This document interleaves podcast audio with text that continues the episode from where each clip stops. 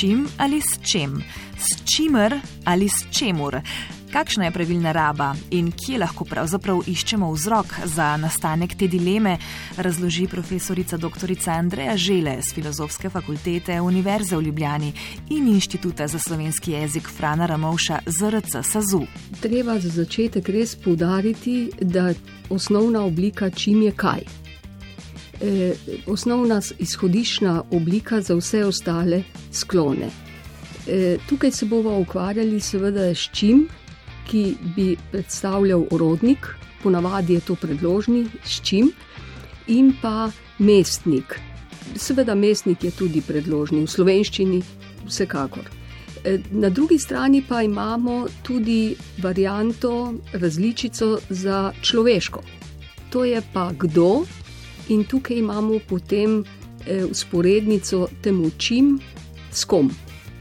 Kako pa je sploh prišlo do sprememb oziroma do različne rabe, odmikov, pri čim pa čem. To je zgodovinski problem, kaj ne? Pravzaprav. Ja, prav imate. Dejansko se je raba, kot jo poznamo danes, ustalila šele v drugi polovici 19. stoletja. Prej pa, če pogledamo avtorje, Marka Pohlina, eh, Pohlin bi rekel, s čem, s čem sem si pomagal, ali pa po čim je to blago, v pomenu, koliko stane. To pomeni, da eh, med E in I, kar niti ni tako čudno in je to pogost pojav, prehod med E in I je eh, dejansko tudi pri izgovorjavi, ko se E oža, prehaja že deloma v I. In seveda, če pa govorimo o zapisni uskladitvi in poenotenju, pa to velja približno od sredine 19. stoletja naprej. Tudi pri recimo pridigarju svetokriškemu, Janezu svetokriškemu je zanimivo, on je v drugi polovici 17. stoletja, konec 17. stoletja, no, on bi uporabljal če izhajam iz zaimka ta in njegove oblike, a ne za orodnik, bi on uporabljal enkrat s temi nagnusnimi gobami, je bil štrafan v smislu bolezni, ne? Ko je pridigal. Ne? Ampak v istem besedilu pri svetokriškem imamo tudi stimi, to EI. Ta prehod med EM in IM je bil do sredine 19. stoletja, torej zelo variabilen. Torej, enostavno je raba tudi v zapisu, kar je najvažnejše. V zapisu je raba nihala. Zdaj vemo, zakaj sta si obliki čim in čem tako zelo blizu. Naslednji korak pa so pomagala. Ko razmišljamo, kaj je prav, nam namreč lahko pomagajo predlogi. Torej, predlog S nam dejansko napoveduje neko orodje, sredstvo, s čim Ne? In zato tudi, seveda, poimenovanje slovensko šestega sklona, orodnik. Približno isto velja za mestnik. Tam imamo pričem. Torej, vsekakor sta v tem primeru nam pomagalo tudi predlog S eh, za orodnik, s čim, in predlog pri za mestnik, pri čem. In mogoče tudi nekaj primerov, ne? pri čem trenutno smo, če tako pogovorno izrazimo, in odgovor je lahko pri tem reševanju. Namenoma sem vmes vključila še zaimek pridevniški ta, da vidimo tudi njegovo obliko. Ne? Pri tem, svetokriški bi uporabil še tim, pri tem razreševanju, recimo, ampak ta i pri eh, eh, kazalnem zaimku, pridevniškem kazalnem zaimku ta, je danes eh, že neznanka, ni več. Mi rečemo pri tem reševanju. Če dodamo zraven še samostalniško besedo, recimo v tem primeru reševanje, nam se pokaže tudi eh, končnica, sklonska končnica za ta samostalnik. O čem bi se radi pogovarjali? O tem denarju, recimo o čem, o tem denarju.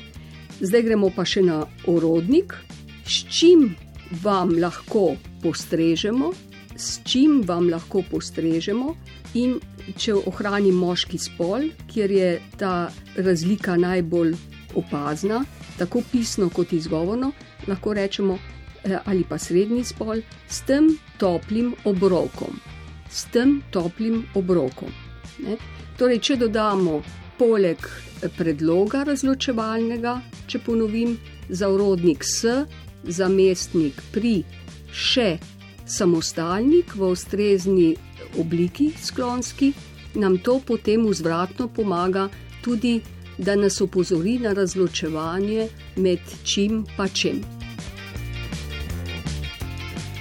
Kaj pa pravzaprav uh, pojav oziralnosti, kako se izraža?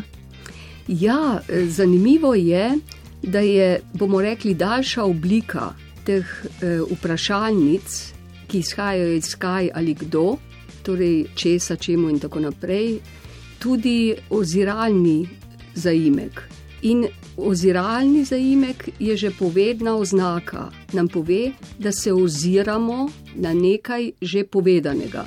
In rečemo lahko, ja, s čim služijo vendarle, da imajo toliko denarja.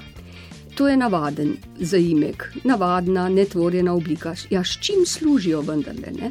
Potem pa oziralna oblika iz tega izpeljana, zasegli so skoraj 40 ton tobaka, eh, s čimer bi ta hudodelska združba državo oškodovala. S čimer, to se pravi, tukaj se pa nanašamo nazaj.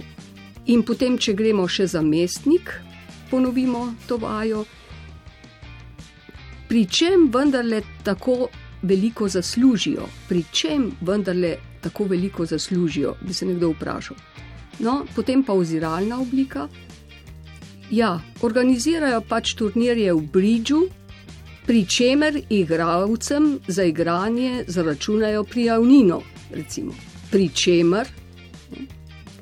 No, in tukaj je pa še, še ena oblika, mestnik kot sklon kraja, prostora je veliko krat zanimivo tudi oblikovno pri rabi malo povezan z dajalnikom kot sklonom smeri v prostoru. In ravno zaradi tega, verjetno, verjetno tako lahko sklepamo, se ta s, čem, s čimer potem napaka vleče s čemer in potem se napaka vleče lahko tudi s čemur.